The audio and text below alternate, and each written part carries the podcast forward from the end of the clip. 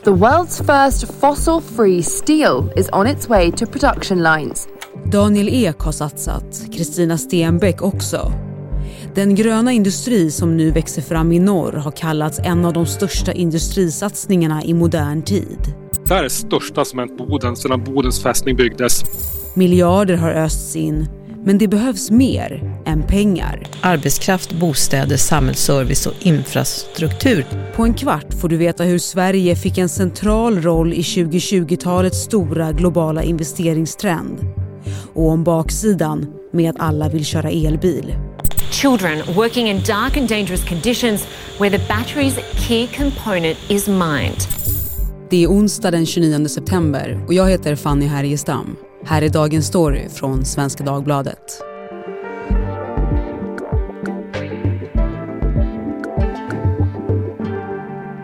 Mikael Törnvall, reporter här på Näringsliv på Svenska Dagbladet. Du har ju skrivit mycket om det här ämnet. Den här satsningen som flera företag nu gör beskrivs som helt unik. Hur då? Alltså egentligen det unika nog inte att man satsar på ny teknik i Sverige, för det har vi alltid gjort. Vi har varit ledande på mobilteknik, vi har varit ledande på internet och nu ligger vi långt framme när det gäller miljö och klimatteknik. Det unika är ju faktiskt att nu bygger man stora skitiga fabriker igen. Alltså vi är vana med att se svenska nya företag. Det är coola, balla appföretag och Spotify och eh, spelföretag. Inte skitiga fabriker. Men det är vad som händer just nu och det är faktiskt otroligt spännande också. Och väldigt snart ska ju en av de här fabrikerna öppna eh, i slutet av året om jag förstått det rätt. Eh, den som företaget Northvolt driver, Europas största batterifabrik. Men det här är då bara en av fabrikerna och det handlar om flera företag som bygger flera nya fabriker i norra Sverige. Berätta om dem, alltså vad ska de här fabrikerna producera? Alltså man kan ju säga att någonstans är det både det nya och det gamla. Om vi då börjar med Northvolt, batterifabriken, så Eh, de ska ju tillverka de batterier som ersätter bensinen och diesel i gamla bilar. Eh, så det här är ju den teknik då som, som fortsätter ta fordonsindustrin och göra den fossilfri. Eh, och det är ju kanske inte jätteny teknik, teknik men i alla fall det, det är något som har utvecklats de senaste åren. Och å andra sidan ser vi då gamla stålverk, alltså det som vi har hållit på med i flera hundra år, nu ska bli fossilfritt. I was there a few weeks ago with Kalle, together with uh, our friends from Boden, looking at the site, and uh, it's so beautiful. Flera gigantiska gröna industriprojekt växer nu fram i norra Sverige. Företaget Northvolt öppnar snart sin första fabrik med tillverkning av bilbatterier i Skellefteå. Ja, men det är väl nödvändigt. Det är väl framtiden, el, elbilar och sånt där. Fabriken har kallats ett europeiskt flaggskepp för batterier och förväntas ge så många som 10 000 personer jobb. Ett par andra fabriker som ska byggas i Norrbotten kommande år är två stålverk, H2 Green Steel och Hybrid. H2 Green Steel ska tillverka fossilfritt stål utanför Boden och beräknas skapa omkring 1500 jobb bara i fabriken och komma igång 2024. Mångmiljardprojektet Hybrid kommer ligga i Gällivare. Också den anläggningen ska tillverka stål utan koldioxid.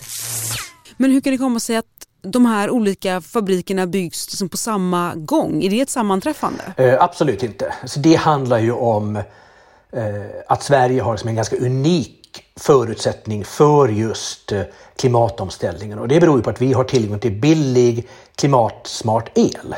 Eh, för är det någonting de här, den här omställningen tenderar att ha gemensamt det är det att det går åt otroligt mycket el för att klara den här omställningen.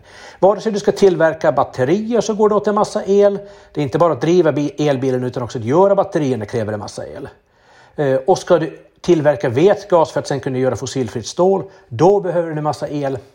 Eh, och vi har ganska billig el uppe i norra Sverige och den är i stort sett fossilfri till skillnad från många delar av världen. Och det, det är det som skapar förutsättningarna. Och hur kommer den här nya industrin påverka norra Sverige som region och kanske hela Sverige? Ja, tittar man på norra Sverige handlar det ju om att uh, man vända en trend som har pågått väldigt länge. Att uh, av industrialiseringen. Vi har ju sett väldigt många industriföretag i hela Sverige stänga de senaste 30-40 åren Andra drar ner på sin personal väldigt mycket. Nu skapas det plötsligt så gamla hederliga fabriksarbetarjobb kan man säga. Eh, och redan det kommer att ha en enormt stor betydelse för, för den här regionen. Eh, sen är det så naturligtvis också att eh, vi som land behöver framgångsrika stora företag som omsätter väldigt mycket pengar. För det är någonstans där pengarna till vår välfärd, vård, skola och omsorg ska skapas. Eh, och om det inte då och då tillkom nya stora företag som, som kan driva utvecklingen, det skulle, det skulle vara dåligt för oss alla. Den här enorma hållbarhetssatsningen omgärdas ju av eh, både många och gedigna praktiska utmaningar kan man säga.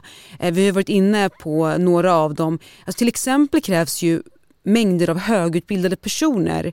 Du nämnde tusentals anställda kan det röra sig om. Alltså vilken typ av kompetens kommer behövas? Ja, men det är ju en blandning. Alltså, dels är det naturligtvis så att det kommer att krävas specialister. Och där ser man ju just att just när det gäller stålindustrin då är det ju vår hemmamarknad så där hämtar man ju specialisterna i Sverige. För vi är redan världsbäst på att göra stål. När det gäller batteriteknik då hämtar Northvolt en stor del av sina anställda från Sydkorea, från Kina och från andra länder som är stora på att tillverka batterier. Eh, men sen när det gäller jobben i fabrikerna. Eh, ja, där kommer det till stor del vara så att man måste utbilda personalen för att kunna ta de här jobben. Det är ju inte så att det liksom sen tidigare i, på nära håll i Europa finns en massa arbetslösa batterifabriksarbetare som skulle kunna hoppa in i de här fabrikerna utan de måste man nog ut, utbilda på plats. Och du nämnde ju elen här och risken för elbrist. Alltså varifrån ska man ta elen? Ja, men det är en jättebra fråga. Eh, och eh, tyvärr har ingen ett riktigt, riktigt bra svar på det hela. Eh, så man brukar ju säga att det finns jättemånga projekt för att bygga bygga ut vindkraften. kom häromdagen en nyhet om att det finns mera projekt för att bygga havsbaserad vindkraft än vad det någonsin kommer finnas behov. Och allt det där låter ju jättebra. Ända tills man tittar på men vad händer i praktiken då? Och där går utbyggnaden inte riktigt så snabbt som den borde. Eh, för det handlar både om att vi ska bygga de här kraftverken och de måste ju vara relativt nära eh, de här stålverken och eh, batterifabrikerna och där man tillverkar järnmalmen.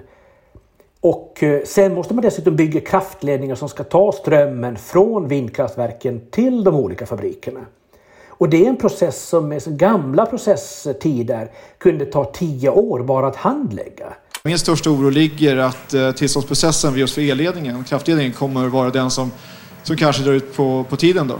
Och där det kokar ner i det att ska vi lyckas med det här så räcker det inte med att det finns ett antal företag som är villiga att bygga kraftverken. Det måste också vara så att myndigheter och politiker ser till att tillstånden handläggs så snabbt att de faktiskt byggs i tid. Så elen kan bli en flaskhals? Elen kommer sannolikt att bli en flaskhals. Frågan är mer liksom hur stor flaskhals blir det, men det, är, det kommer att vara tajt att få fram all den el som behövs till klimatomställningen. Och om vi tittar på naturresurserna då, till exempel när det gäller batterier så krävs ju litium. Alltså vilka andra naturresurser krävs till den här gröna tekniken? Ja, det är en mängd olika mineraler som behövs. Vi pratar så, litium, vi pratar kobolt, vi pratar koppar kommer att behövas. Eh, och det ställer ju krav på att det måste till nya gruvor. Man pratar ibland om att vi ska leva på återvinning men det finns helt enkelt inte så många batterier i världen idag att återvinna att det skulle kunna vara i närheten av att räcka till alla bilar som ska byggas. Utan det behövs nya gruvor för att bryta nya metaller om vi ska få ihop det här. Eh, och det skapar ju nästa problem, nämligen att ingen vill ha en gruva just där de bor. Och det här kan man ju säga också är kopplat till geopolitik. Eh, om vi tittar på Kina till exempel, på vilket sätt? Eh, berätta Micke.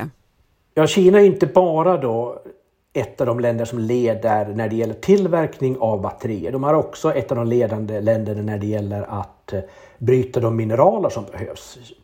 Men vi, vi har också andra så problematiska områden kan man säga, typ Kongo där det bryts eh, eh, väldigt mycket kobolt. We heard stories of up to 65 people in one incident, including adults and children. Och det problem vi står inför är väl att om det är inte så att vi kan bryta de här mineralerna i vårt närområde, alltså i Norden eller i Sverige, ja, då kommer vi inte stoppa hela elektrifieringen. Vi kommer inte sluta bygga vindkraft. Vi kommer inte sluta tillverka elbilar. Men vi kommer att tvingas vända oss till länder som Kina och Kongo för att köpa de här mineralerna. It's very difficult to have 100% green cobalt coming out from DRC. Både nya och gamla investerare har gått in med stora belopp i de gröna fabrikerna. Det framtida stålverket Hybrid ägs av börsnoterade SSAB och statliga LKAB och Vattenfall. Tillsammans ska de investera 400 miljarder de närmaste 20 åren. Billions and billions and billions and billions and billions and billions and... I stålbolaget H2 Green Steel är riskkapitalisten Harald Mix initiativtagare och en av de stora investerarna. Men där har också styrelseproffset Kristina Stenbeck och Spotify-grundaren Daniel Ek investerat. Samma trio har också pumpat in pengar i batteriföretaget Northvolts nya fabrik. Varför tror du att den här typen av namnkunniga investerare som vi ser här som Kristina Stenbeck och Spotifys Daniel Ek, varför söker de sig hit? Delvis, men bara delvis, så skulle jag nog gissa att det finns en vilja att vara med på det här tåget. Eh, man har sett att världen står inför ett gigantiskt problem. Och det är klart att har du då några miljarder extra så är det ganska trevligt att kunna känna att jag var med och möjliggjorde lösningen på klimatproblemen. Det som är fantastiskt med att ha eh, pengar det är ju att man kan ägna sig 100% åt sin passion. Men sen det är klart också att de här personerna är inte dumma. Det finns en anledning till att de blivit miljardärer. Eh, och det är ju det att de ser att det här är framtiden. Är det någonstans det finns pengar att tjäna så är det i grön klimatsmart teknik. Eh, och vad du inte vill ha dina pengar idag det är ju all den teknik som förstör miljön. Så det är en kombination av gammal kapitalism och eh, viss mån att man vill göra gott. Och de här summorna som investeras, vi pratar om 100 miljarder kronor, alltså den typen av belopp. För att ge de som lyssnar nu en, en uppfattning om hur mycket det här är, kan du jämföra de här investeringarna vid någonting? Sätta dem i proportion till någonting? Ja, det, till att börja med så är ju alla de här tre projekten bland de största industriinvesteringarna som har gjorts i Sverige på de senaste 20-30 åren. Så vi pratar ju redan där bara gigantiska projekt. To actually build this kind of facility takes, takes a, lot, a lot of space. You know, hundreds of thousands of, uh, of square meters. Ska man sätta någonting, en halv statsbudget nästan, som, som man pumpar in i de här, låt vara under ganska lång tid den typ av bolag som skapas. Värderingarna är, gör, skulle göra dem till bland de största företagen på Stockholmsbörsen om de var börsnoterade. Om vi rundar av då Micke genom att eh, blicka framåt. Alltså, vad kan gå fel i det här? Finns det någon risk att det inte blir någonting av de här storslagna planerna? Alltså när det gäller tekniken eh, så är det nog inte så mycket som kan gå fel faktiskt. Alltså, man vet hur man tillverkar batterier till elbilar. Eh, det, det, är ingenting nytt och man vet hur man bygger dem. Det verkar som om eh, framförallt då inom hybridprojektet SSAB och LKAB har lyckats visa att de vet hur man ska tillverka vätgasen till, i stor skala. De vet hur man ska få till ett stål som håller en tillräckligt hög kvalitet som är fossilfri. Priset kan komma att slå en del men eh, tekniken verkar vara på väg att komma på plats.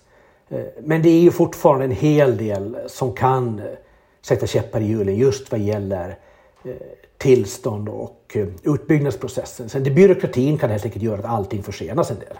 Och du som näringslivsreporter, kommer du bli bjuden på någon sorts invigning för de här fabrikerna eller? De kommer garanterat att vilja att vi i media är där på plats och basunerar ut för hela världen hur duktiga de är. Så jag räknar helt kallt med en inbjudan.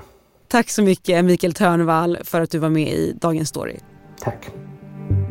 Vi som gjorde programmet idag var Lasse Edfast som klippte avsnittet, redaktör Teresa Sterner von Matern och jag heter Fanny Härgestam.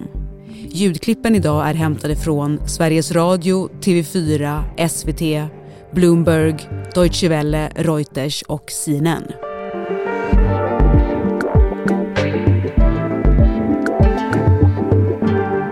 Du har lyssnat på Dagens Story från Svenska Dagbladet. Och vill du höra heta diskussioner om aktuella frågor? Lyssna på Ledarredaktionen, också det en podd från Svenska Dagbladet. Vill du kontakta oss så mejla till dagensstory.svd.se.